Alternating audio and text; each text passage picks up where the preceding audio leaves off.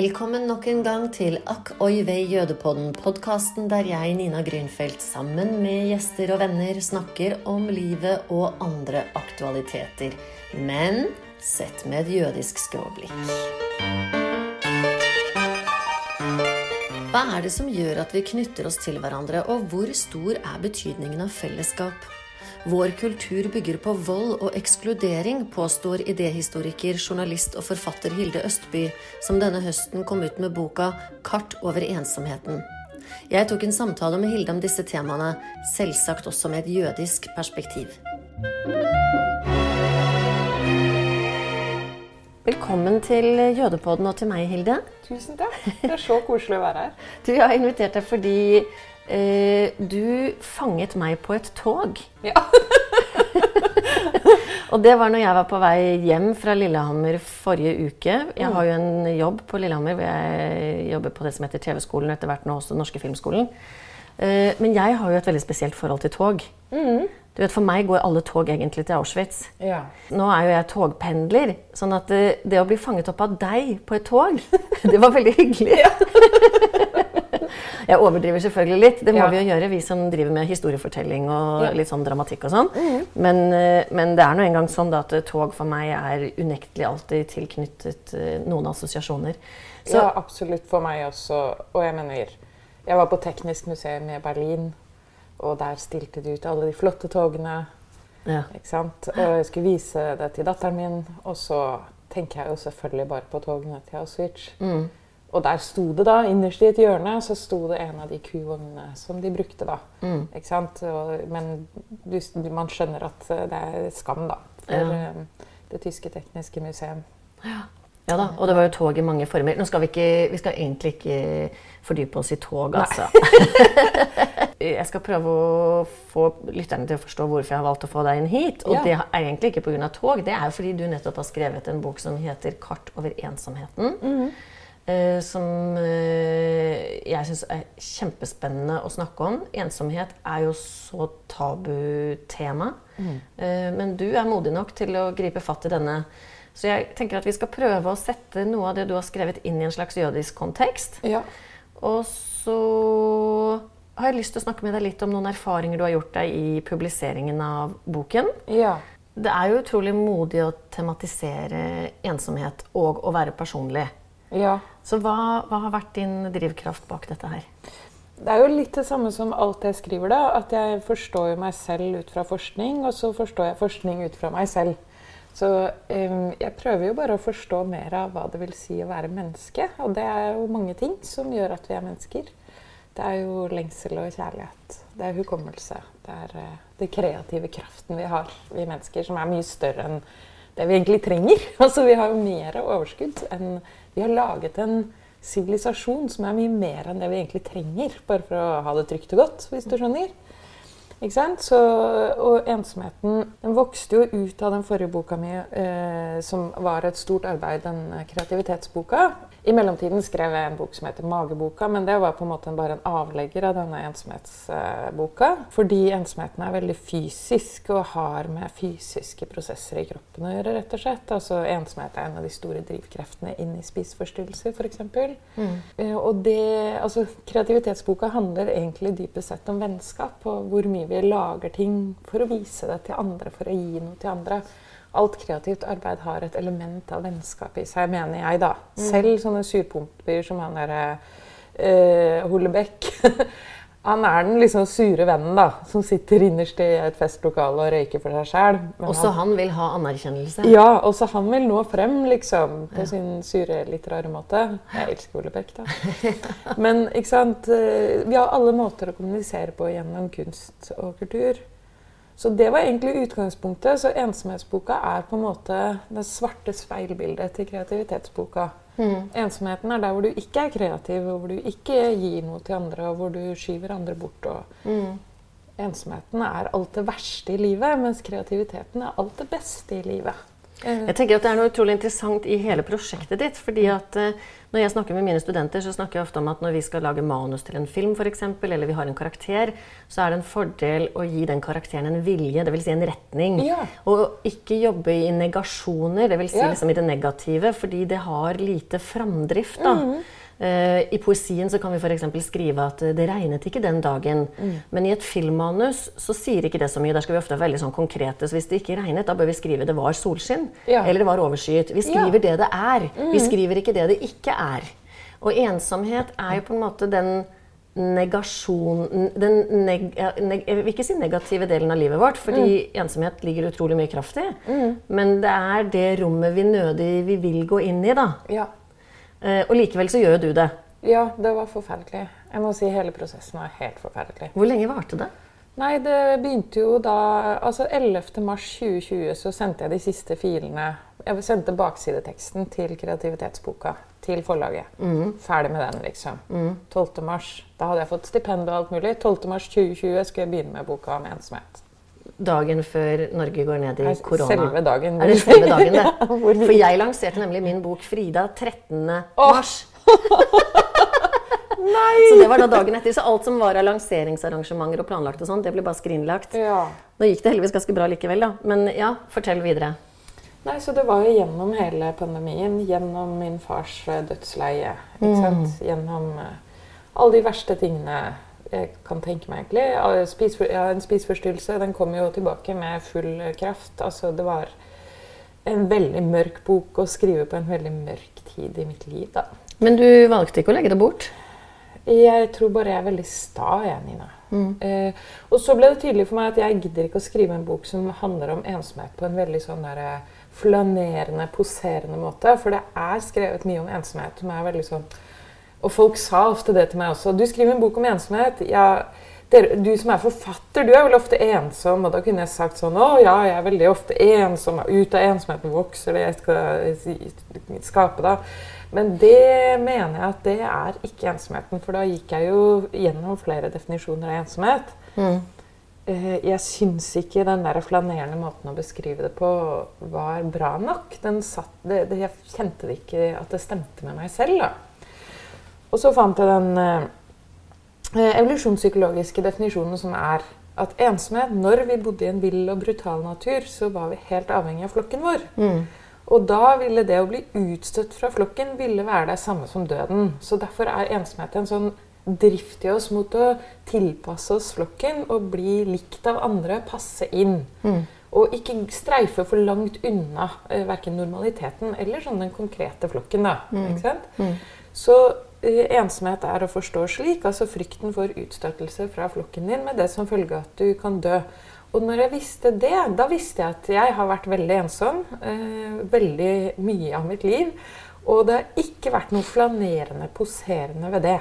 Det har vært bare forferdelig. Ja, det er på liv og død, da. Ja, og, det er jo flokk, og da må vi begynne å snakke om hva er flokk, og hva er utstøtelse. Og hva er det den frykten setter i gang? Jo, frykten er jo så alvorlig at det er det verste stresset du kan utsette kroppen din for. Og det er bakgrunnen for denne forskningen til Julian Holk Lundstad, som har undersøkt eh, da, eh, helsedata fra 300 000 mennesker, en liten by. 300 000 mennesker for å se hva vi dør av eh, for tidlig, og hva som gir et langt og godt og sunt liv. Fysisk liv, altså. Ikke bare en sånn eh, Det er ikke bare abstrakt sånn du føler deg litt bra, men altså langt, godt fysisk liv. Fysisk helse, altså. Og da fant hun ut at det som gir et langt og godt liv, altså god fysisk helse, det er eh, brokkoli. Nei, det er ikke det.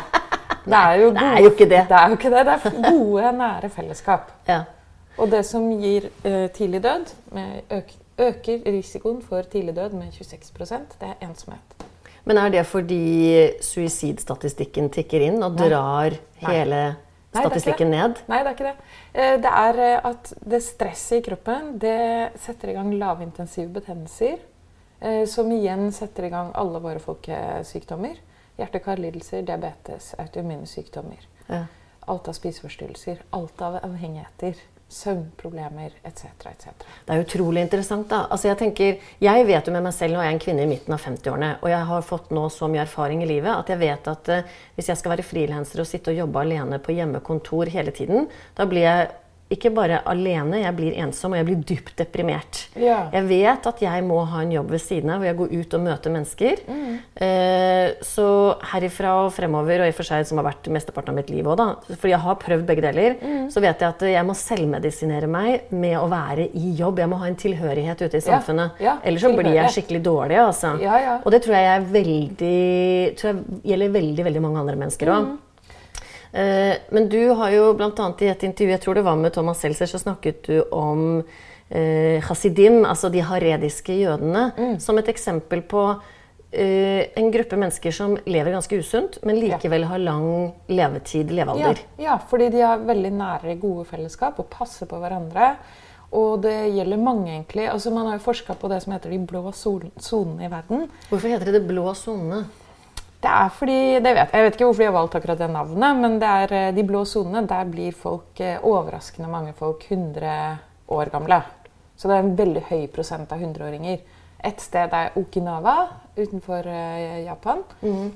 Og der eh, spiser de heller ikke spesielt sunt. Og det går jo rett inn i denne statistikken til Julian Holt Lundstad, som jeg nettopp fortalte om. De spiser liksom fett, sånn eh, svinekjøtt og litt grønnsaker, men ikke sånn overdrevent mye. Eh, men de passer veldig godt på hverandre. Og de graver i hagene sine. Så det å drive med hage, det å ha vennskap, gode, nære vennskap, det er god helse. Og det du tenker er at det gjelder også for, de, for hasidim, altså for de Ja. ortodokse jødene. Ja. Jeg tenker jo kanskje de bare har bomma helt, for de ser jo ut som de er 100 år allerede når de blir født. de ser jo så gammeldagse og gammelmodige ut allerede fra de begynner på skolen. Nesten. ja, ja, ja. Men, men, ja, men alt, da. Alt forsterker det ene sterke fellesskapet. da. Så klesdrakt og alt gjør at du hører veldig tydelig til. Men selvfølgelig. For jeg har jo tenkt sånn Burde jeg bli sånn fanatisk religiøs av noe slag? Eller sånn gå veldig inn i et sånt religiøst fellesskap? For det Ja. viser seg at det er veldig Tilhører en sunt. sekt. Ja, for det blir veldig sunt. Eh, altså, det er jo sånn at Der er søvnkvaliteten veldig bra, f.eks. For, eksempel. for du vet at du er trygg. da. Ja. Altså, grunnen til at man ikke sover når man er ensom, er jo at du vet ikke om du er beskytta, da. Ikke sant? Der du ligger på savannen og løvene streifer forbi. At det er flokken der når du våkner, liksom. Men jeg tenker jo samtidig, hvis du Men det, er ja, men det er problemet med å være i en sånn eh, veldig sterkt religiøst fellesskap, er jo hvis du skiller deg ut på en eller annen rar måte. Ikke sant? Som ikke passer inn. Eller hvis du går rundt og tviler på og lurer på om du skal forlate sekten. Ja. Det må jo være ekstremt betennelsesdannende da, ja, det er det. og stressende. Ja, og det er ekstremt ensomt. Og det var jo Det sto på lista mi over folk som er veldig, veldig ensomme. Selvfølgelig. Men eh, så ensomheten er alle disse stedene. Alle disse stedene hvor du føler at du ikke hører til i fellesskapet. Og det vil jo gjelde både på gruppenivå eh, og på enkeltnivå. Så jeg mener gruppen av jøder i Norge på 30-tallet, hvis vi skal ta et veldig åpenbart Siden vi sitter nå her i jødeboden, ville jo ha følt et veldig sterkt utenforskap eh, gjennom hele 30-tallet. Når de begynte å få ikke bare små stikk av sånn 'du er så annerledes', men alle Når de begynte å skrive ting på vinduene deres, eller Ikke sant? Ja. eh, eh, fikk dem til å få denne J-en i passet osv. Mm. Alle disse små stikkene er jo bare og ensomme noen. Så jeg vil snu på det. Vi snakker ofte om den ensomme som, som om den ensomme har ansvar selv da, for denne mystiske følelsen som plutselig oppsto. Men det er jo ikke noe mystisk at den ensomste gruppa da, på gruppenivå i Norge, det er folk med funksjonsnedsettelser. Eh, hvorfor det? Jo, fordi bare å komme seg over en dørstokk er en påminnelse om at du ikke hører til, og at folk har ikke giddet å til, eh, tilpasse noe for deg. Ikke sant? Du tilhører ikke det store vi. Ja. Jeg skal spille en eh, liten jeg fant på nettet her. Den synes jeg var veldig morsom. Det her er jo da fra South Park. Ja. Og så er det Kyle som eh, synger følgende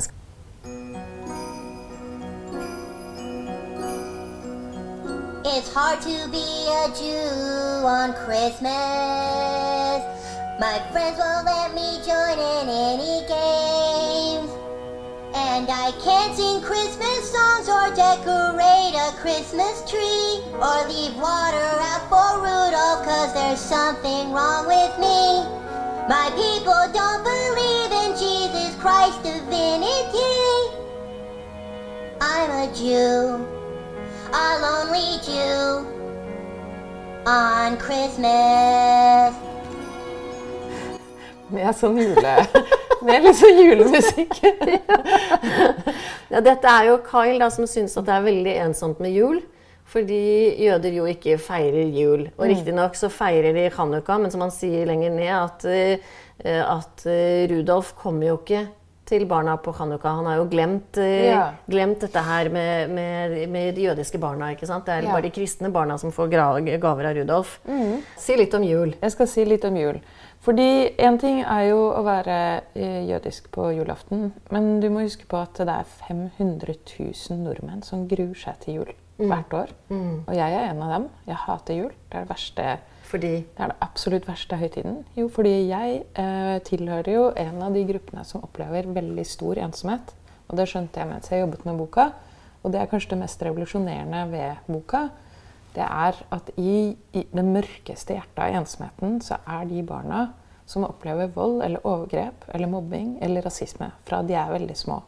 Når du opplever denne typen utstøtelser fra du er veldig liten, så lager du deg ensomhetsstrategier. Det er, det er jo den formative, mest formative tiden i ditt liv. Du mister tillit til verden rundt deg. Og du lager ensomhetsstrategier for å selvmedisinere eller dekke over. For å løse et problem. Og hva er problemet? Eneste løsningen er andre mennesker. Det har jeg skjønt. Det er ingen annen løsning på spørsmålet ensomhet. Men vi gjør veldig mye rart og tullete da, for å slippe å gå til andre mennesker og be om hjelp. Da. Vi som er utsatt for vold eller overgrep eller mobbing eller rasisme. Også viser forskninga. Jeg er ikke utsatt for rasisme, men jeg gruet meg til å gå hjem hver eneste dag. Jeg gruet meg til å gå hjem fra skolen. Men er det skolen. fordi du har dårlige minner med jul fra din barndom? Er Ja, det for, det da du var, sier? ja, for da var, eh, da var jo jeg fanget. Det fins jo ikke noe alternativ, vet du. Nei. Akkurat i jula så må du være der. Altså det høres jo som litt sånn parallell til det som ofte blir annonsert i mediene også når det gjelder høytider, dette med alkoholmisbruk i forhold til barna. Mm. Uh, som jo også er, skaper jo ensomme barn. Ja, Altså, selvfølgelig gjør det det. alkoholmisbruk er jo en form for mishandel overfor barna. Absolutt. Og en sykdom hos de som drikker. Ja, absolutt. Og dette er jo en del av forskningen til en mann som heter Vincent Felitti. Som egentlig bare skulle slanke folk i San Diego på 80-tallet. Og så fant han ut, og dette var middelklassen, så de visste jo alt om eh, slanking. egentlig, Og lot seg lett slanke, og så gikk de ut av klinikken til Felitti, og da la de på seg alt igjen. Så Felitti gjorde noe revolusjonerende. Han hentet folk inn igjen og snakket med dem. Og da fant han ut at av de overvektige som kom til hans klinikk, så var over 50% blitt voldtatt. Voldtekt er veldig ensomt. Det er ensomt for den som opplever det, og ensomt for den som gjør det. Det er ikke kontakt. Det er en veldig fysisk intim ting man gjør, men som ikke har noe med kontakt og nærhet til å gjøre. Og så fant han ut at eh, de hadde diverse eh, traumer, som å vokse opp med en forelder som drev med alkohol, eller som slo dem, eller mishandla dem på en eller annen måte. Eller bare noe så enkelt som at de visste at de ikke var trygge i sitt eget hjem. Og dette ble til en smørbrødliste som han kalte ACE, som, heter, som var altså Adverse Childhood Experiences. Og det forskningen hans viste, var at de barna som opplevde disse tingene, de fikk depresjon, eh, autoimmune sykdommer, hjerte-karsykdommer, Mm. diabetes, Ja. Spiseforstyrrelser, rusmisbruk, søvnproblemer. Alt som egentlig beskriver symptomene på ensomhet. Og det er ensomt å ikke føle seg beskytta i sin viktigste flokk. Mm. Det er det viktigste stedet for oss, da. Og så fant jeg forskningen på eh, rasisme, hvor det er helt det samme. Det er et stort forskningsfelt nå som ble utviklet av en dame som heter Aline Geronimus.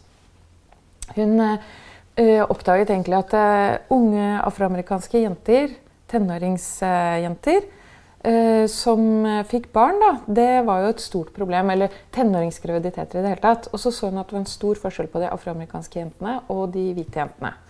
Hun så at de afroamerikanske ble liksom nedbrutt, at kroppen deres ble liksom brutt, eh, brutt ned innenfra av autoimmune sykdommer. Søvnproblemer, Jaså. overvekt etc. etc. Hele den lista. Hun kalte det erosjon, altså kroppserosjon, på en måte. Og så nå, når vi har all denne forskningen på hva giftig stress gjør med kroppen, så da visste hun ja, men det er jo det. Det er giftig stress. Endelig er det påvist at det er noe, for folk ville ikke høre ordentlig på henne. Og i fjor så kom det ut en stor studie på jeg tror det var 400 afroamerikanske barn som hadde blitt fulgt fra de var 7 år til de var 27 år. Og da kunne man se jo tidligere de hadde opplevd rasisme, jo mer setter denne erosjonen av kroppen inn. Rasisme er bare én ting. Det er å fortelle noen at de ikke hører til bare på grunn av hvordan religiøs tilhørighet de har, eller eh, fargen på huden deres. Og det bryter ned kroppen til folk. Det er så stressende. Det er ensomhet. Det er å bli ensomhet. Det slår meg jo bare at eh, sant? Vi lever jo i en moderne tid der vi har fokus på, i hvert fall i vårt mer politisk korrekte samfunn, nettopp med inkludering og bekjempe alle disse destruktive kreftene.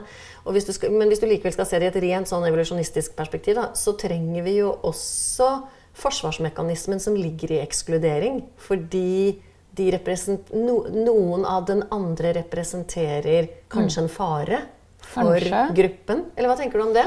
Kanskje. Jeg vet ikke. Jeg tror jo bare at volden beveger seg litt eh, Det er bare sirkler av vold, på en måte. Eh, Jeg vet jo ikke hvor den kommer fra. Er det Kain og Abel, da? At den bare kommer, hun kommer inn i menneskenes liv. For vold er jo en del av vår historie gjennom hele vår historie. Men som flokk så trenger vi så mange forskjellige folk som mulig. Og det er derfor menneskeheten har overlevd. Så jeg mener at vi må holde fast i den tanken der. At eh, sant, det er mye større individuelle forskjeller på mennesker enn det er på kjønn. Altså, vi snakker jo ofte om kjønn som om det er spikra i stein, men det fins ikke to forskjellige typer mennesker. Det finnes liksom, bare, liksom sant, Hvis man tenker disse to primære sterke kreftene i menneskeheten, da. Ja. Behovet for å høre til Ja. og behovet for å beskytte Støtter. mot ytre fiender. Ja.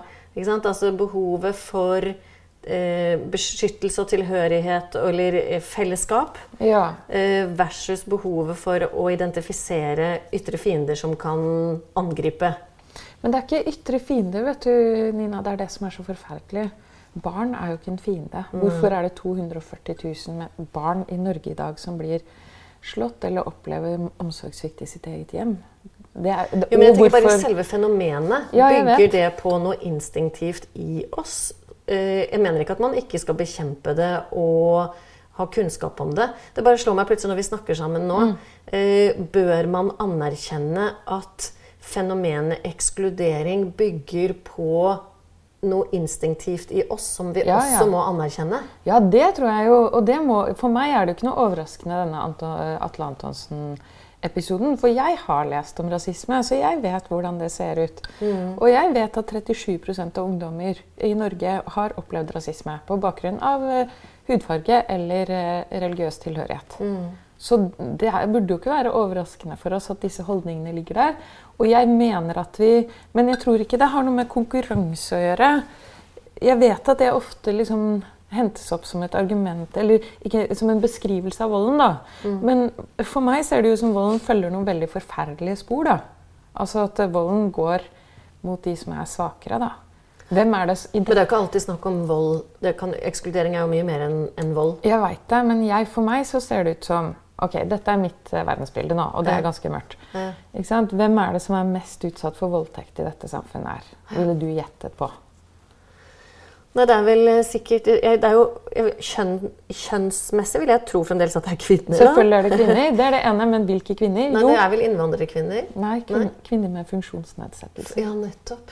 Ikke Ja. sant? Er, du, Men er, og kanskje til og med i institusjon, eller? Ja, så dette er jo så mørkt, ikke sant. Er, den volden følger noen helt tydelige mønstre for meg, hvor eh, man eh, ikke går etter den du- som er en likeverdig motstander. Man, man, volden går mot de som ikke kan forsvare seg. Ja. Men eh, fordi vi har vel ofte snakket om at eh, de, mest ut, altså, de fleste voldtekter skjer i hjemmet. Eller vold Ja, skjer i hjemmet. absolutt. Ja, ja, Men, ja, så det er utenfor ditt, Ja. den Men dette er bare de som har størst risiko for å utsettes for voldtekt. Ja. Men, eh, og så er det ikke sant, alle de barna her, og så er det Fordi jeg tror at eksklusjonen og volden har med hverandre å gjøre. Så ekskluderingen ved hjelp av blikket, altså at du ikke henter opp noen ved blikket, at du ikke inkluderer dem i samtalen. Mm. du snakker om dem istedenfor til dem. At du ler av dem istedenfor med dem. Ikke sant? Alle disse tingene er varsler om den store ekskluderingen som kommer. Og den store ekskluderingen er eh, ordentlig vold og voldtekt. Og så kommer drapet. Ikke sant? Han Arve Benheim Ka- Karlsen løper langs en elv i Sogndal, tror jeg det er. Han er utenlandsadoptert. Han er blitt mobba så sinnssykt på skolen pga. hudfargen. Og så blir han funnet død. Det er den ultimate eksklusjonen. Og det er, jo, det er jo som en beskrivelse av jødene i Norge på 30-tallet. Ja. Bitte små ekskluderinger først, og så eskalerer de. Og så blir det vold, og så blir det drap. Altså, la oss snakke litt om holocaust. da. Ja. Fordi eh, det er jo, som vi alle vet, eh, det totale sivilisatoriske kollapset. Eh, Ja. Vi har jo aldri i noen sivilisasjon, slik vi kjenner menneskehistorien, eh, menneskehetens historie, opplevd den type industrielt folkemord. Ja. Hvor målet var å drepe absolutt alle. Ikke sant? Hitler som jeg alltid sier, hadde jo, førte jo to kriger. Han førte jo Ja. én krig for å vinne verdensherredømme, og den tapte han først. Ja. Og når han innså det, så ga han seg ikke og ville vinne i hvert fall den andre krigen, nemlig mot jødene og i og for seg andre minoriteter og Rom. Og, Ja. og skulle jo kvitte seg med mye mer på sikt. Og, og historikere mener jo at han hadde vunnet verdensherredømme om han ikke Hvis han også ikke hadde hatt fokus på jødene. Ja, ja tenk å bruke, altså Han brukte jo så mye Det er så irrasjonelt, da. Ja, ikke sant? Det er så ekstra ondt. Og hadde, hadde han ikke vært antisemittisk i det hele tatt, Mm. så hadde det sikkert vært en del eh, kompetanse innenfor de jødiske miljøene i Tyskland som hadde vært villig til å støtte han i å få et verdensherredømme, som var store tyske nasjonalister. Mm. Ja. Mm. De var bare ikke eh, antisemitter fordi de var jøder selv. Eh, Det finnes i og for seg antisemittiske jøder òg, det er ikke det. Men, eh, så vi kommer i alle former. Men, eh, men jeg tenker på fordi Du nevner jo det at både voldtektsofferet og overgriperen er jo skadet og lider. Ja. Og jeg tenker det er interessant da, i et sånt makroperspektiv 80 år etter holocaust, nå feirer vi Vi feirer ikke, vi markerer nå 80 år siden også norske jøder ble deportert. Hvordan har dette påvirket ensomheten i Europa? Hvordan, hvordan på, hva slags kultur er det vi lever i i dag, sett i et ensomhetsperspektiv i kjølvannet av holocaust? Nei, jeg tenker jo at uh, hver, en, eh, hver eneste gang jeg går forbi en snublestein sammen med datteren min, så stopper vi. Så leser vi alle navnene, så snakker vi om det. Og så tenker jeg denne kulturen, vår kultur, har eh, bygget Noe av vår kultur er bygget på grov brutalitet. Og det er her fortsatt. Og de, det er veldig bra at vi har de snublesteinene, for da er det helt synlig. I, det er ikke en abstraksjon, da. Det er, og det er ikke abstrakt.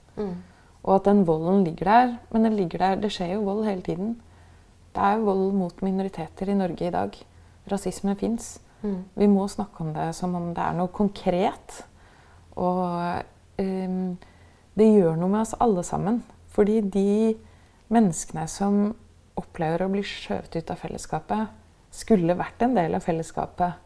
Ikke sant? Og kunne bidratt, som du sier. Ikke til Hitler-Tyskland, men til Norge da. Alle de gode kreftene. da. Det, det tenker jeg på det tenker jeg på med stor sorg.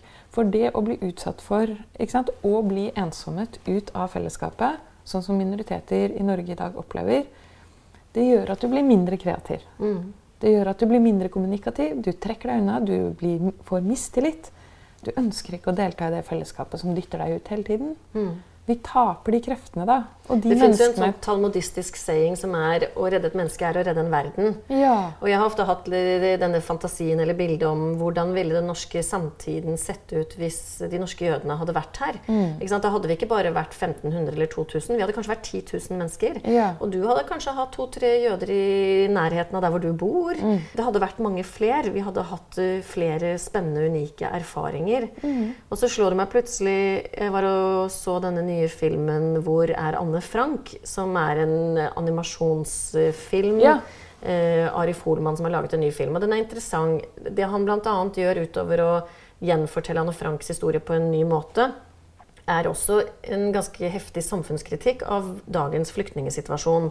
Og han har også en, en beskjed som handler om den kommersial, kommersialiseringen den kom, av, av Anne Frank og hennes historie. Eh, På et tidspunkt i filmen så sies det til og med at Anne Franks dagbok er mer verdt enn et, et Rembrandt-maleri. Ja. Eh, og det er den kanskje på ulike, på, ja, ut ifra ulike parametere.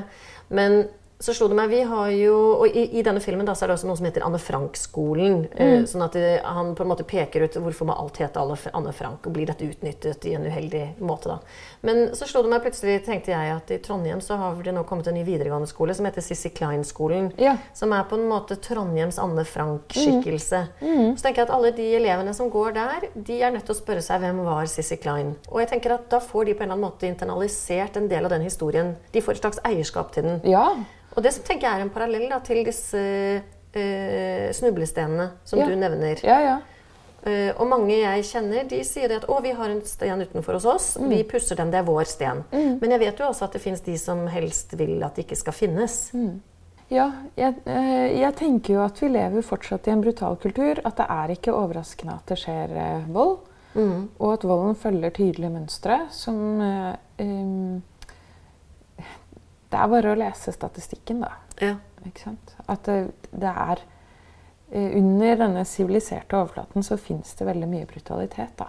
Ja. Det er over 100 000 arbeidstakere i Norge i dag som vurderer å ta livet sitt pga. mobbing på jobb. Det er over 50 000 barn som blir mobba, og forskningen på mobbing viser at eh, det er eh, like skadelig som å oppleve omsorgssvikt hjemme. Så Mm. det gir deg like mye traumer i ettertid da, som du må jobbe med. Så, og, og rasisme. ikke sant? Hva gjør det med deg å bli utsatt for rasisme? Det preger deg resten av livet. Det gjør noe med tilliten din til verden. Og vi må ha tillit hvis, hvis vi skal lage et samfunn. Men det er mange andre ting som drar oss fra hverandre også, som jeg er bekymra for. Jeg syns det er veldig feil at vi sitter så mye på skjerm. altså. Jeg liker ikke det. Jeg liker ikke at barn og unge sitter så mye på skjerm. Fordi det gjør at de ikke får øyekontakt. Øyekontakt er ekstremt viktig for oss. Da svinger, når vi ser hverandre i øynene nå, Nina, så svinger hjernen vår i takt. De, rett og slett rent fysisk så gjør de det. Ja, på en måte, ja, så synkroniserer vi hjernebølger. Da. Ja. Og du, når jeg forteller noe til deg, så vil hjernen din aktiveres som om det skjedde med deg. Så, og jo nærmere du er meg, altså jo mer du er en venn av meg, jo mer vil du bli aktivert. Så det er et forsøk som, hvor de påførte en person smerte, og så var en nær venn av den personen i rommet. Eh, Jeg tror det var med, ved hjelp av iskaldt vann. De slår jo ikke folk eh, i eksperimenter. Men eh, iskaldt vann, sånn at de blir ordentlig smertefullt. Og da blir vennens hjerne aktivert mer enn om det er bare en tilfeldig person. person. Sånn, sånn at den vennen har nesten like vondt av å se sin venn lide. Ikke sant? Så, så mye trenger vi å være i fysisk nærhet med hverandre. Vi trenger å kose og sant, holde hverandre. Ja, ikke sant? Og vi vet jo at den der speilingen, altså små babyer, hvordan de trenger at vi titter på dem og sier Mm. Ja. Ja. Ikke sant? Ja. Alle disse her, eh, og da begynner jo de å kommunisere gjennom disse ansiktsuttrykkene. Mm. Jeg så en gang en interessant dokumentar på TV hvor det bl.a. var intervju med overgre... Altså, de var drapsmenn var det, med Mm. psykopatiske egenskaper. Da. Og da var det en av de som på et tidspunkt fikk lagt fram tre bilder av ansiktsuttrykk. Et hvor et menneske smilte sånn overstrømmende, et hvor mennesket var veldig lei seg, og et hvor mennesket var i total panikkangst. Og så skulle han identifisere følelsene til de tre ansiktene, og det kunne han ikke. Nei. Men det han kunne, var å peke annet på den som var helt uh, sånn angstridd. Og si at 'jeg vet ikke helt hvilken følelse det er, men det er sånn de ser ut når jeg dreper dem'. Åh, herregud. Ganske brutalt. Ja, det er sterkt, da. Men det sier også noe om For meg var det i hvert fall der, i, i den sammenhengen i den dokumentarfilmen, da, så tenkte jeg ok, hvis dette er riktig, så, så var det en aha-opplevelse om at han har jo ikke kunnskapen. Mm. Han har vel aldri lært selv. Og han har aldri fått muligheten kanskje til å speile seg i andres blikk. ja. Altså, du må lære Vi må lære vår menneskelighet av lære, andre mennesker. Ja, ikke sant? Vi Ja. må det. Og så kan det hende at det finnes noen eh, psykiatere eller psykologer der ute som vil mene at nei, eh, psykopati kan også være medfødt, og det er ikke noe å gjøre med. Det vet ikke jeg noe om. Mm. Men, eh, men det var helt tydelig at han hadde i hvert fall ikke egenskapen. da. Nei, men det som er så trist, da, og som har vært trist med å jobbe den, med denne boka, det er at de fleste som utøver, utøver vold, er ikke psykopater. Og at uh, snille folk gjør slemme ting. Og at snille, uh, slemme Ja, altså at eh, slemme, fæle ting skjer med snille folk. Og snille folk utøver fæle ting. Og det er en sånn Det går jo helt på tvers av alt vi tenker om rettferdighet og at gode folk gjør jo gode ting. Det er jo Fortellingen om hele Nazi-Tyskland er jo den fortellingen. Det er jo derfor folk bare Historikere fortsatt en dag i dag bare klarer ikke å knekke denne nøtta. Hvordan kunne et helt folk, og da er ikke alle psykopater i det folket, et helt folk gå av skaftet og bli brutale mordere sånn som de var. For de var det, og de visste hva som skjedde. Og hvis de ikke visste hva som skjedde, så hadde de i hvert fall en sterk mistanke om hva som skjedde med jødene. ikke sant? Så er klart at det, det var jo ikke alle som var nazister. Og det var jo en, også en opposisjon i Nazi-Tyskland. Ja. Men uh, dette var jo et terrorregime uten sidestykke. Sant? I, I Russland i dag så har vi jo mennesker som går Ja. i opposisjon. Ja. Uh, men det er jo ikke lett uh, ikke når lett. du har et maktapparat som er så diktatorisk. Og det er mange som tror på Putin altså, i Russland i dag. Det er Ja, veldig mange gode folk tror på Putin. Ja, ja. Det jeg har oppdaget er jo at det finnes sånne spiraler av vold, og at vi gir volden videre. Altså at vi gir den til andre mennesker. Når du selv er blitt utsatt for vold, så skyver du andre mennesker bort. Både, i, både mentalt, men også helt fysisk ved hjelp av vold. Og så er det disse spiralene av vold som går i generasjoner. Mm. Og den eh, volden gis videre. Mm. Eh, fra foreldre til barn. Fra de barna til deres barn igjen. Hvis vi ikke snakker om det. Mm. Vi må snakke om hvordan vi gir volden videre. Vi må snakke om traumene, fordi da gjentar vi det ikke. Det viser forskningen også veldig tydelig. Men er du opptatt av dette med epigenetikk? Dette her med at eh, traumene fester seg i vårt DNA, og at vi Ja, det gjør det jo. Det er jo det mye av den forskningen jeg har sett på i boka viser. Ikke, Ikke sant? sant? Det, det gjør at telomerene på genene På våre blir, kort, ja, blir kortere. mm. Og det, telomerene er litt sånn biomarkører for aldring, så de blir kortere av vold og utstøtelser. Altså Dette er også forskningen på rasisme. da, Viser at telomerene blir kortere. Men du, for det slo meg jo, Hilde, du nevnte jo det at eh, folk er ikke så glad for å lese om dette som er så smertefullt. Ja. Og jeg kan jo kjenne når vi sitter og prater om dette, at jeg blir litt stressa. Får du ubehag? Ja, litt, fordi jeg tenker at herregud, hvis ikke jeg sørger for nå å være veldig uensom, altså veldig, veldig Så er løpet kjørt for deg. Ja, da blir jo disse telomerene mine kortere og kortere. Ja. Og jeg risikerer å få mikrobetennelser i kroppen. Ja. Og sant, altså, Da spiller det jo ingen rolle da at jeg spiste brokkoli både i går og i dag og skal gjøre det i morgen, fordi jeg er, ikke, Nei, er jeg er for ensom, rett og slett. Ja. Men hva gjør man med dette her, da? Hvis man føler seg ensom? Innimellom så er vi jo alle ensomme. Og så må vi Ja. selvfølgelig skille på det å være alene og være ensom. og disse Ja. tingene her. Alene og ensom er to forskjellige ting. Alene er helt fantastisk. Og alene er jo en produktiv Vi skal være mer alene enn det vi er. Vi er altfor kobla opp, vi er altfor stimulert hele tiden. Hvis vi liksom går ikke rundt i vårt eget hode og humdidummer nok. nok. Dette kommer jeg ikke til å slutte å snakke om. Ja. Fordi hele samfunnet vårt er jo innrettet på at vi skal forbruke og underholdes så mye som mulig hele tiden. Så det å bare sitte helt stille i en sofa og stirre fremfor seg, det er kreativt gull. Det er også en måte å bli kjent med deg selv på. At du kjenner deg selv. Og din egen indre tankestrøm. For meg som kreativt menneske er jo det hele det er, Jeg kan ikke gjøre noe uten den tilgangen der. Nei. Det er veldig fint det uttrykket. Og humdidumme. Ja, vi må humdidumme mye mer. Det tror jeg jeg skal adoptere. Ja. Ja. Ikke sant? Så Det er det ene, at eh, vi er altfor lite alene i vårt eget hode. Eh, Og så er det den midlertidige ensomheten, og vi skal være innom litt ensomhet i livet. Fordi menneskelivet er brutalt, og det skjer ting. Og du vil oppleve sorg, og du vil oppleve smerte, og du vil oppleve å ikke høre til nå og da. Og du vil også oppleve å stå under stjernene og føle deg skikkelig liten da. At Men tenker du at boken din kan medføre stress? At man blir liksom, Ja. at man blir stressa, og da blir man eh, Ja, da får du disse korte Hva heter det? Telomerer. ja, det er sant. Ja, ja det kan jeg ikke løse Kanskje på en måte. boka di er helsenedbrytende?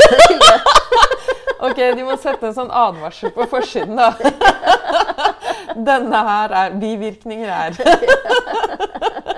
Det er en farlig bok. Ikke les den. Det går dårlig hvis du leser den. Du dør tidligere, faktisk. Ja, altså det er veldig stressende ting å ta inn over seg. Jeg tenker at den kunnskapen er makt. Og for meg, når jeg var ferdig med boka, så har jo det endret livet mitt. Altså Det er ikke en selvhjelpsbok. Men det å vite hva de ensomme strategiene er, f.eks. spiseforstyrrelse. Spiseforstyrrelse er at jeg klarer ikke å regulere mine egne følelser, så jeg bruker mat til å regulere følelser. Kjempegod idé. Men hva er det som egentlig regulerer våre følelser? Andre mennesker. Altså når jeg føler et stress og tenker at nå må jeg gå og spise alt som er i kjøleskapet For jeg har verdens vanligste spiseforstyrrelse, som er overspisingslidelse. Det er at man eh, prøver å spise så lite som mulig i løpet av dagen. Kollapser, spiser alt i kjøleskapet i løpet av veldig kort tid. Stapper i seg så fort man kan. Alene.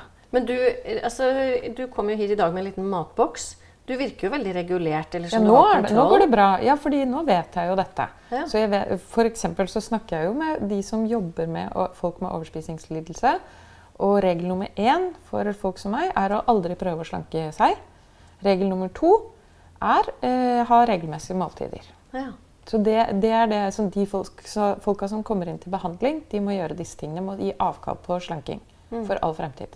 Nettopp. For det trigger bare alle disse verste tingene. Så det er det ene, at jeg vet det nå.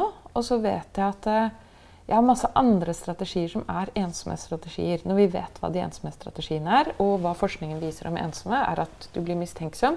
Du leser folk annerledes. Du leser ansikter annerledes. Du leser ikke et smil på samme måte som en trygg og avslappa person. Eh, Du er stressa og oppjaget, du sover dårlig. Eh, Hva kan jeg gjøre for å gjøre det bedre? Andre mennesker. Bare andre mennesker. Til syvende og sist må jeg Og jeg har gått i terapi så mye. Jeg har gått i terapi i ti år. Ja. Um, det fins bare én måte å komme ut av ensomheten på, og det kan ikke en terapeut eh, liksom snakke meg inn i. Jeg må ha tillit. Tillit er et sprang. Tillit er å bare prøve å puste rolig med kroppen. Og så Men tenke tillit til hva eller hvem? Tillit til deg, da, Nina. Til deg selv? Ja, nei, til, til deg når jeg kommer nå. Ja. Til deg, og Ja. skal snakke med deg. Ja. At jeg ikke tenker at, at jeg tenker at du vil meg godt, da. Ja, ikke sant? Du må bestemme deg for at her finnes det tillit. Ja. Ja. Og I det- motsetning til at du tenker og tror nå vil jeg bli avvist. Ja. For jeg bare tenker at eh, det, jeg syns dette er superinteressant. Ikke sant? Så tenker jeg ok, den, all den innsikt og kunnskap du nå har ervervet til det, både gjennom egne erfaringer og ikke minst gjennom å ha skrevet boken, den gir jo deg masse, masse gode verktøy. ja. Eh, Men det har jo vært ganske smertefullt og lang reise å komme dit. Altså, du er jo, du, eh, enten du tar det til deg eller ikke, så er nok du unektelig ganske unik. Ja, av, nei, å ha kommet, jo, men av å ha kommet dit du har kommet, da. Ja. Hvordan skal man klare å komme til den type innsikt du har kommet til? Klarer man det ved å lese boken din, tenker du? Altså, Jeg håper jo det. Eller sånn Det er jo jeg, jeg går jo den veien mens jeg Veien blir til mens jeg går gjennom materialet. Så jeg oppsøker jo masse forskning som jeg ikke kan fra før. For å skjønne mer av hvordan jeg selv funker. ja. Og det, det syns jeg jo at jeg har lært veldig mye av å Noen folk blir jo veldig sinte av denne boka, da. Ja. Eller av det jeg snakker om. Du, men du nevnte det at du har fått henvendelser fra folk som blir provosert. Ja. Hva er det de blir provosert av? Nei, jeg har fått flere som er sånn Hva, Hvem faen er du som tror at du kan si at du er ensom? Jo, men det tror jeg jeg fikk med et eller annet sted. fordi at, og det, Jeg vet ikke om det var en anmelder eller hva det var som mente at herregud, du har jo både mann og barn og karriere, Ja. og du er sjarmerende, og, og du kan uttrykke deg eller, ikke sant? Hvor, hvem, hvem, hvem tror du at du representerer egentlig? Ja. Hva Jeg, tenker jeg, du om den jeg, type repres, ja, jeg representerer jo den gruppa på 240 000 barn da, som eh, blir utsatt for vold og omsorgssvikt. Og jeg, jeg kan også representere de som har opplevd mobbing. Mm. Så jeg vet hvordan det føles, og jeg vil snakke på vegne av de. Og jeg vet at jeg former deg for resten av livet. Og jeg vil snakke om det. Ja. For det gir deg de- strategiene vil jeg at vi skal kjenne litt bedre til. En strategi, som er min strategi, da, det er å være arbeidsnarkoman, f.eks. At man jobber absolutt hele tiden. For jeg tenker at jeg er ikke like verdifull som andre mennesker, så jeg fortjener egentlig ikke min plass i fellesskapet hvis ikke jeg bidrar utrolig mye til fellesskapet. Så jeg vil gjøre Altså, jeg vil jobbe til jeg stuper, og det har jeg gjort. Og jeg har, jeg har blitt så sjuk av å jobbe at jeg satt på et eh, trygdekontor, og han fyren bak eh, skranken sa at nå er det slutt, nå blir du uføretrygda. For da var jeg blitt veldig sjuk, da. Og det er en ensomstrategi. Det er en helt vanlig ensomstrategi. Det fins masse andre ensomhetsstrategier som vi må vite at er ensomhetsstrategier. da. Hva er det som hjelper hvis du er alkoholiker? Hva er det du gjør da? Du går til AA. Og hva skjer i AA? Jo, Du har et sterkt fellesskap. Ja. Eh, grunnleggeren av AA, eh, Bill Watson het han vel, han sa i 1934 jeg har aldri møtt en alkoholiker som ikke er dypt og grunnleggende ensom. Mm. Og hva, hva lagde han? Et fellesskap. ja. Fellesskapet er løsningen på alt. Dele erfaringer og ja, Passe på hverandre, regulere hverandres følelser.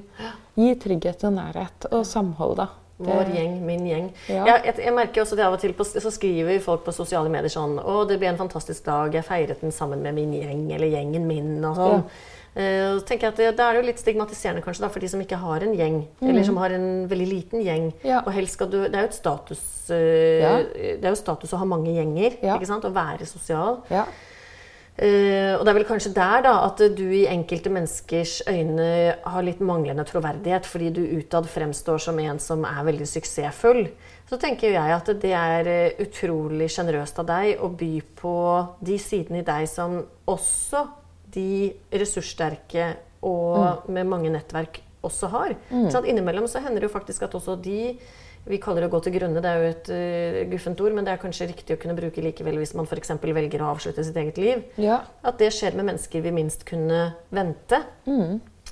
Eh, så kanskje skal man ha litt mer eh, åpenhet for at ensomhet også dukker opp steder vi ikke forventer eller er klar over. Jeg tenker, Du vet ingenting om folk før du har hørt deres historie. Og da må man spørre ordentlig. Og tåle å få svaret, da.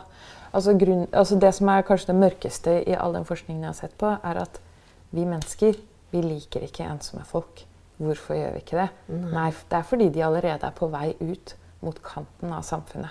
Så du liker ikke Men de skremmer oss, eller? Eller de minner oss på hva vi selv kan Ja, det tror jeg. stå overfor? Ja, er det tenk, det? tenk deg en skolegård da, hvor en blir mobba. Mm. Dette har jeg veldig levende minner av. En blir mobba. Det var ikke meg, men jeg var nest nederst på den, eh, det hierarkiet. Og du kan spørre hvilken som helst barn hvor er du i hierarkiet. Det vet de godt. Mm. Ikke sant? Jeg var nest nederst. Jeg visste at hvis jeg støtter hun der som blir mobba nå, Mm. rasistisk mobba til og med, da går jeg med i dragsuget. Ja, ikke sant? Så da trekker man veldig godt unna den personen som blir mobba. da. Ja. Så, så brutalt er det. Ja. Det tror jeg er det, det som skjer med ensomme folk. De som sier at de er ensomme, de trekker unna da. Og da er det bare å se hvem er det som er i utkanten av dette samfunnet, og som blir presset mot kanten, og som vi ikke liker så godt. Som ikke er kule. Ikke sant? Det er eldre innvandrerkvinner, eller fattige folk i Norge, verdens rikeste land. Fattige folk, eller trygda folk, eller uføre. Det er ikke noe spennende folk, vet du. Ingen liker egentlig dem, dessverre. Jeg sier ikke at jeg ikke liker dem, men det er veldig typisk at de blir ikke løftet frem. Det er ikke de som er på forsiden av VG som vinnere. Ikke sant? Hvem er det som er vinnerne i dette samfunnet?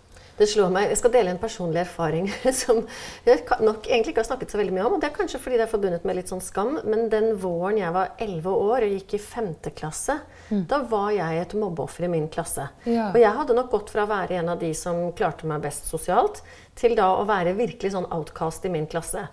Eh, Da var det kanskje en tre-fire måneder den våren eh, hvor jeg ikke gikk noe særlig på skolen, for jeg var jo veldig ulykkelig.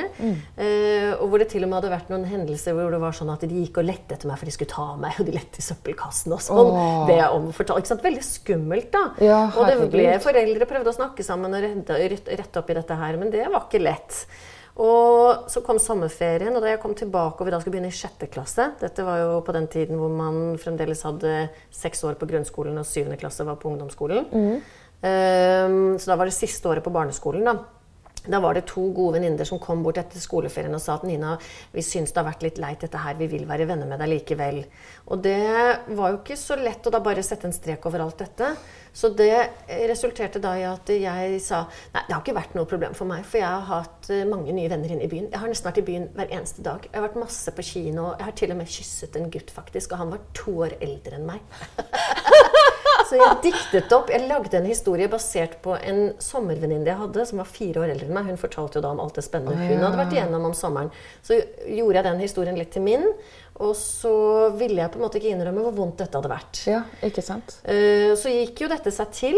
Men og så tenker jeg i kjølvannet av dette her Og jeg har snakket litt med hun ene gode venninnen min som fremdeles er en veldig nær og god venninne. Kanskje min egentlig beste venninne. Mm. Og jeg tror nok hun i mange år bar på en slags sånn skyldfølelse. Mm. Fremdeles så kan hun si at Nina, den, den tiden var ikke noe god for noen av oss. Mm. Men jeg var et skikkelig mobbeoffer de månedene. Og det ga meg jo en erfaring som jeg husker veldig, veldig godt. Sant? Altså, og det var en, spørsmålet blir jo kanskje ville jeg vært den foruten? Ja, jeg vet ikke. Altså, den har jo gjort meg på en eller annen måte så har den jo påvirket meg som menneske. Ja. Men det er klart, det var jo smertefullt. Men det, var den, det vanskeligste, slik jeg husker det nå, i hvert fall, da, det var jo det å erkjenne det.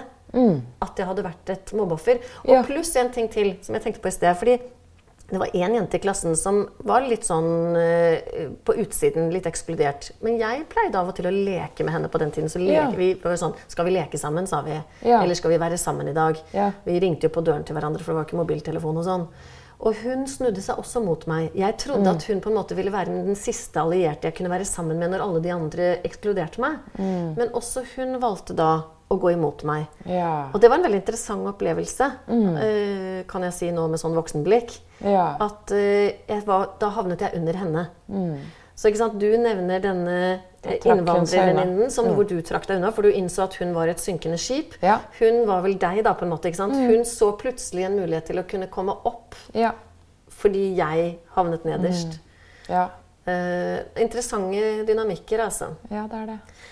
Og det er klart, Nå snakker vi liksom om barnets perspektiv, og det er jo det, den erfaringen du sitter på også, øh, som jeg tenker kanskje er det aller, aller mest øh, grunnleggende. Vi snakket jo litt om før podden gikk i gang her også, dette med hvor, hvor gjerne vi som foreldre vil at våre barn skal klare seg sosialt. Ja. Og hvor smertefullt det er å oppleve at de ikke gjør det. Mm. Hva skal foreldre gjøre da?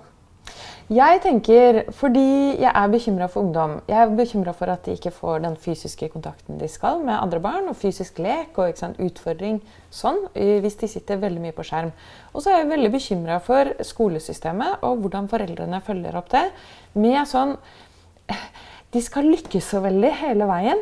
Vi eh, foreldre er jo helt eh, sprø i å aktivere barna sine, sånn at de er godt rustet for fremtiden. Og jeg er her for å si at det fins bare én måte å ruste barnet ditt for fremtiden på.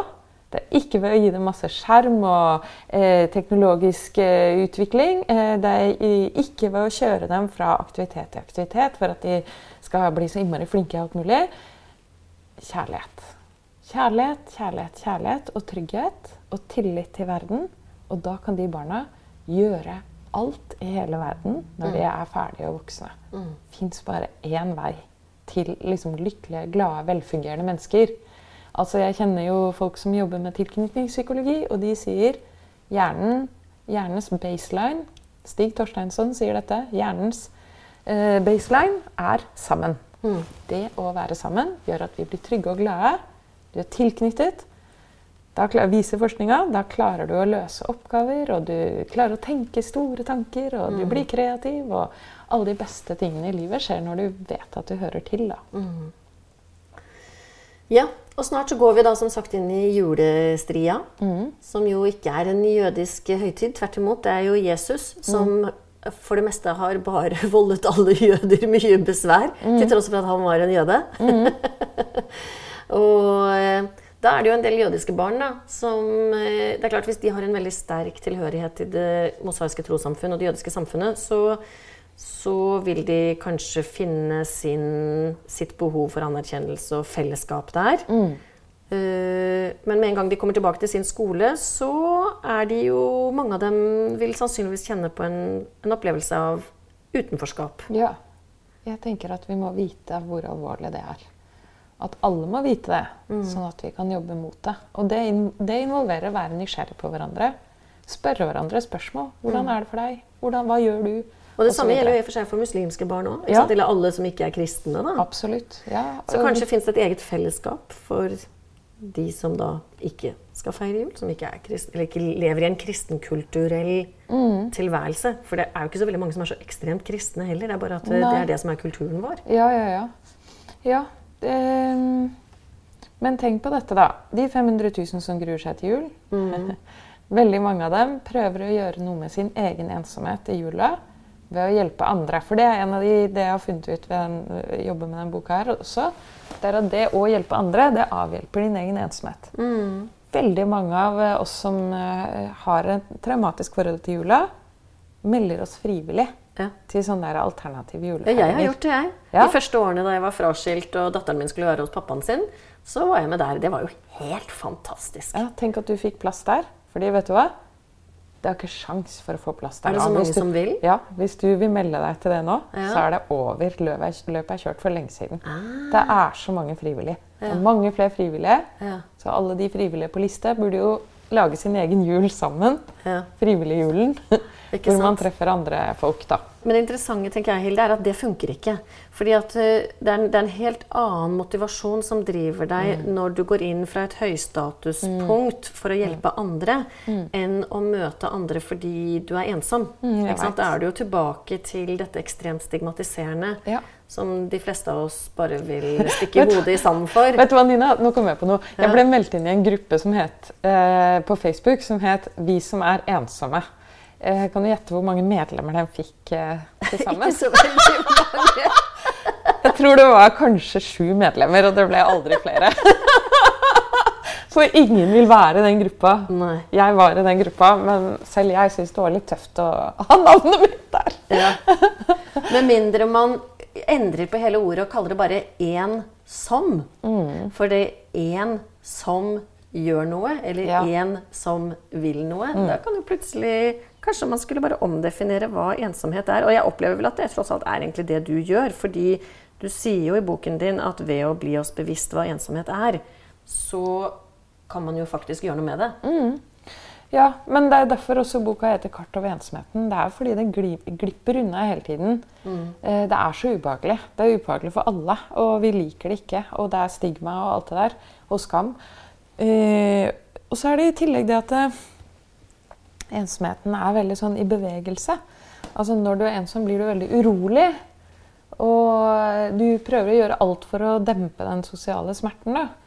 Så det er ikke en statisk tilstand. Det er, ikke noe, det er vanskelig å få grep om det, rett og slett. Ja. Både fordi vi flytter rundt på det og gir det nye navn og alt det der, men også fordi vi bare Ja, det er en sterk drivkraft da, inn i veldig negative spiraler. Ja. Malstrømmer, egentlig. Men eh, da jeg møtte deg på dette berømmelige toget, da, og så ville du gjerne snakke med meg Du hadde hatt en litt ubehagelig opplevelse som jeg tenkte men dette er jo bare peanuts. Dette må du ikke bry deg noe om. Men du var litt nærtagende på dette, og det, jeg skjønner jo det. Det jeg opplevde da du tok kontakt med meg da, det var at du misliker veldig å bli mislikt. Mm. Du liker ikke konflikt. Nei. Eh, kanskje er det til og med konfliktsky, hva vet jeg. Men dette var i sammenheng med at du hadde vært intervjuet hos Thomas Seltzer. Og så hadde du sagt noe så, etter min mening, uskyldig som at disse eh, harediske jødene, da, hasidim, som lever så lenge, gjør det til tross for at de spiser grusom mat. Eh, og jeg er jo langt på vei enig med deg. Jeg, For seg, jeg må likevel eh, differensiere litt. En del av den østeuropeiske Korsomaten er fantastisk god. Mye syns jeg smaker helt blæ. Hvis jeg da kunne få velge mellom fransk og italiensk kjøkken og det østeuropeiske kosherkjøkkenet, så er det ikke noe tvil. Jeg hadde gått for Italia først, så Frankrike. Men uh, Metzeborene, altså det Midtøsten-maten, den er jo faktisk ganske sunn og syns jeg er fantastisk god. da. Ja, ja. Men i alle fall, nok om det. Du sa at de spiste grusom mat. Ja. Det var det noen kvinner med jødisk bakgrunn som hadde veldig hardt for Det syntes de var veldig krenkende. Og du ble veldig lei deg. Ja, jeg ble det. Hvorfor ble du så lei deg?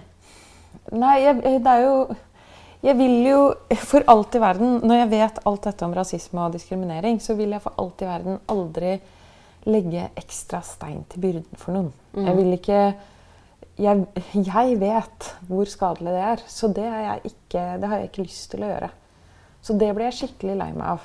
Eh, Og så vil jeg jo, vil jo bli lik, da. Men det er jo først og fremst det at hvis jeg skal legge stein til byrden til noen, så skal det være, da skal det være statsministeren. Jeg kan godt ta han. Eller folk med makt eh, og mye penger, som statsministeren har, og som er trygge og eh, har mye makt til å endre ting i dette samfunnet. Jeg kan legge, legge, litt ekstra stein til byrden for dem, men ikke, for, eh, ikke hvis jeg bidrar til diskriminering og rasisme. vil jeg ikke bidra til, da. Nei. Men Hilde, det slo ikke deg da at sant, det er jo noen mennesker som mener seg berettiget til å kunne sende mailer av den typen som jo egentlig dypest sett er litt trakasserende. Ja. Du tok det likevel personlig. Jeg er, en, jeg er nok en veldig sårbar person, da. Selv om jeg er veldig tøff i trynet og sier mange ting veldig tydelig. Det syns jeg jo at jeg gjør. Men jeg er jo skada. Sånn veldig skada. Ja, For det er det utrolig interessante kontrasten i deg. At uh, du er ikke noe redd for å skrive artikler i avisen og til og med skrive store publikasjoner og gå ut med interessante tanker om kontroversielle temaer. Men innerst inne er du som alle oss andre et lite barn. et lite skadet barn. Ja, jeg er det. Ja, jeg er det. Så jeg er veldig sårbar, altså. Eh, Men det var veldig fint å møte deg på toget, da, Nina. Så fikk jeg en god klem, og så fikk jeg regulert følelsene mine litt. For det gjør vi når vi klemmer hverandre og koser hverandre òg. Så bare roer vi ned hele nervesystemet. Ikke sant? Og vi, vi avhjelper på en måte kroppens ensomhet. da. Og kroppens ensomhet er å ikke bli berørt i det hele tatt. Ja. Så det å få en klem, det roer ned alt. Jeg tenker ofte på det. Jeg har jo en veldig fin liten mamma som er 83 år, og hun har vært enke nå i 15 år. Ja. Så det er jo ikke så mye klemmer hun får lenger. Nei. Eh, Og det er ikke så mange hun kan snu seg rundt til i senga og legge seg inntil. og ikke sant, alt dette her. Og da må jeg liksom minne meg selv på husk å klemme mamma. Ja. Ta en ordentlig god klem og rugg til, liksom. Ja. Og når hun er jo ofte her, og så da pleier jeg å gi henne noen sånne klemmer, da. Og da blir hun helt sånn Hun faller liksom inn i armene mine. Det er veldig, det er veldig, da føler jeg meg veldig god. Ja, men det Og er jo blir veldig glad. Jo, men det er jo en sånn eh, Du kan ikke fake det, da. Det er en total fysisk aksept av andre mennesker. Det er en ordentlig god klem. er jo at du sier 'jeg liker deg', ikke bare, bare for tankene dine, men 'jeg liker hele deg og kroppen din og alt'. Og er der for deg. Og det, sånn fysisk, det glemmer vi ofte, vi mennesker. Vi tror at vi bare er hjernen. Ja. Det, men hjernen er jo alt. Eh, Det er jo nervetråder ute i hele kroppen. Men hvis man da har fått redusert disse her eh, celle-DNA-hallene, hva heter det igjen? Tal- Telomerer. telomerer. Hvis man har fått litt korte telomerer Ja. og har vært litt ensom og stressa det siste, sånn at du kjenner at det kanskje er noen potensielle mikrobetennelser i kroppen, kan det kompenseres med x antall klemmer? Nei, de vokser ikke ut igjen, de telomerene. Gjør de ikke? Nei, Jo, det gjør de da. Nei, jeg tror Jo, hvis du det. trener veldig og sånn, de blir jo lengre da. Mener du at én gang forkortet alltid forkortet? Det er det som skjer med håret ditt når det blir grått. Da, da er de brukt opp, telomerene, akkurat for fargen i håret. Er det brukt opp. sant? De blir brukt opp, ja. Kroppen blir brukt opp. Vi skal jo dø, da. Til Jo, uansett. jo, men man sier jo det er aldri for sent å trene muskulatur og bli sterkere og sånn. Også gamle mennesker kan gjøre det. Ja, det er aldri for sent, fordi vi kan bygge muskler. Og vi kan selvfølgelig eh, stoppe utviklingen ved å oppsøke andre mennesker. Ja. Så det gjør jeg jo. Så jeg går jo på Ja. og åpner meg. Og kroppen min er nok skada. Jeg har jo flere ting som er sånn knytta til akkurat denne ensomhetsforskningen. Søvnproblemer og Jeg har et autoimmunt eh, utslett på kroppen. Og det er liksom ting som eh, er fysiske konsekvenser av ting jeg har vært igjennom. da. Mm. Eh, ødelagt ryggen har jeg, og ja, det er ting som er gått dårlig i kroppen min. Men hver dag kan jeg gå ut og avhjelpe det. Ikke ved å trene mest mulig eller spise mest mulig brokkoli, men treffe deg, da. Ja. For eksempel i dag. Det var, jeg føler meg glad og varm i hjertet. Altså det jeg tenker da, Som jeg ofte også sier til studentene mine når det gjelder dette med å bygge karakterer og sånn i film, det er jo dette med her med at hvis denne karakteren, protagonisten vår, hovedpersonen, kan, så kan kanskje også jeg. ikke sant? Det skaper håp. da. Ja. Og da tenker jeg at du er utrolig sjenerøs, som byr på alle dine utfordringer og skavanker på kropp og sjel. Mm. For da tenker jeg Oi, Hilde har det tøffere enn meg. Da fikk det meg til å føle meg litt bedre. Og så tenker jeg og hun får det til. Og hvis hun kan få det til, da kan kanskje jeg få det til òg. Ja. Så da gir du jo meg håp, da. Ja, det håper jeg. Ja. Ja, det vil jeg.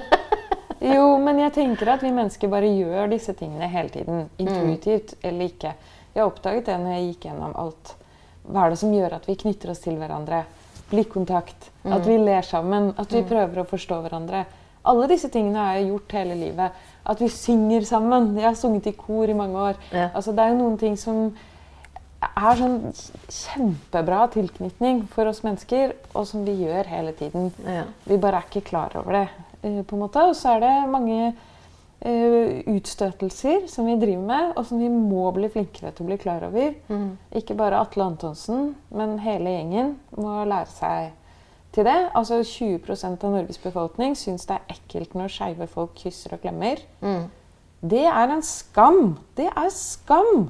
20% av Norges befolkning må lære seg at det skal de slutte med. Ikke sant? Fordi det uttrykker de med gester og blikk Ja. og holdninger, og at de roper at skeive folk er farlige for barn. Det er de ikke, selvfølgelig. Ja. Jeg går i pride med datteren min. Selvfølgelig. Det er jo nesten morsommere enn jul, faktisk. For det er jo farger og glitter. Ja. Så det, når vi vet disse tingene, så kan vi kanskje gjøre noe med de der utstøtelsene. Og jobbe enda mer med de gode, inkluderende måtene å være sammen på. Og så må vi slutte med det der kjøret om å være så vellykka perfekt. Altså. Det, sosiale medier drives jo av dette. Vi viser oss fram og virker perfekt. Og det må vi slutte med. Mm. Men det slår meg jo likevel, og nå skal vi egentlig snart avrunde, jeg har bare lyst til å bringe på banen likevel. fordi at det er klart at eh, Nå har vi jo snakket mye om dette her med skadede barn, alt dette her sånn. Men i og med at jeg gjerne vil ha dette jødiske perspektivet, så tenker jeg jo likevel at eh, det, all, det, det er tøft å bli mobbet i, i skolegården. Det, sannsynligvis er det jo enda tøffere å bli ekskludert fra sin egen familie. Og det er klart Vold i familie og alt dette her er jo en form for ekskludering eller eh, misbruk i familien. Det, er også, det må jo også være utrolig tøft å føle seg uvelkommen i sin minoritet. Ja. Enten du da la meg si, er en muslimsk homofil. Det er ikke veldig lett å være jødisk homofil heller, for å si det på den måten. det er det nok ikke. Eller hvis du av andre grunner ikke blir ikke sant? Det jødiske miljøet i Oslo er bitte, bitte lite. Det er bare Mm. én menighet. Du har egentlig ingen annen alternativ menighet å gå til. Mm. Vi har riktignok en kvinnelig rabbiner som har hatt et lite samfunn rundt seg. Og vi har også en chabad, som det er en egen episode om i Jødepodden, som det går an å gå tilbake og høre på. Også møte med denne kvinnelige rabbineren som heter Lynn Feinberg, som det også er en episode om. Men sant, det er bitte, bitte lite. Rommet for mangfold er absolutt til stede. Det går an å argumentere for at det er stort mangfold, men det går også an å argumentere for at det er ganske reaksjonært. Eh, og gammeldags og konservativt i en ortodoks menighet, som også er ganske patriarkalsk. Så det er klart at eh, ekskludering derfra jeg, jeg vil jo tenke at muligheten for opplevelse av ensomhet er ganske stor når, du, når du bringes inn eh, fra fødsel av da, ja. i, en, i en sekt eller minoritet. Mm, jeg har tenkt på det. Ja. der, er- Du skriver jo om det. Ja. At det, er, eh, det representerer en veldig stor, stor ensomhet. Og de som er avhoppere, eller er blitt ekskludert fra sine religiøse miljøer, de opplever selvfølgelig veldig stor sånn emosjonell belastning. Da. Ja. Det er hardt. Ja. Eh, hvis du er ensom i din familie og i, ensom i din minoritet Mm. og ensom i nasjonaliteten i samfunnet, Ja, da har du ensomhet på mange nivåer å deale med. Det er det jeg tenker. At uh, ensomheten kan være på mange nivåer. Mm. Uh, og du kan ha et veldig trygt fellesskap i din familie, f.eks., men bli utsatt for diskriminering og rasisme hele tiden idet Mm. du går ut av døra hjemme. Det vil være en belastning. Men, eh, og som du sier, hvis du har flere sånne fellesskapstilhørigheter, de står i kontrast til hverandre, det, det er mange muligheter for ensomhet. Ja. Eh, Er det noe du har lyst til å si mot slutten, som du tenker at eh, vi ikke har snakket om? Nei, vi må ta toget oftere da, Nina. Sammen. Ja. Ikke til Auschwitz, da. Nei, Nei. vi gjør ikke det. Men det å sitte på en, en altså det å sitte på toget er jo fantastisk. Ikke bare Ja. er det miljøvennlig, det er jo et fellesskap på toget. Ja. Og man kommer jo ofte i kontakt med mennesker du ellers ikke ville kommet i kontakt med. Så hvis man bare strekker ut en hånd, så kan en eh, togreise være åpningen til helt nytt liv. Ja.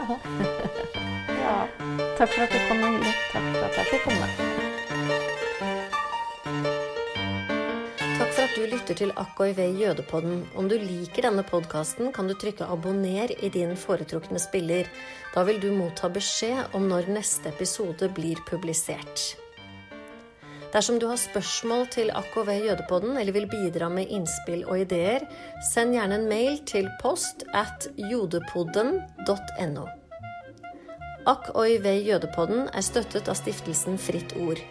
Musikken du hører, er komponert og arrangert av Jens Wendelboe.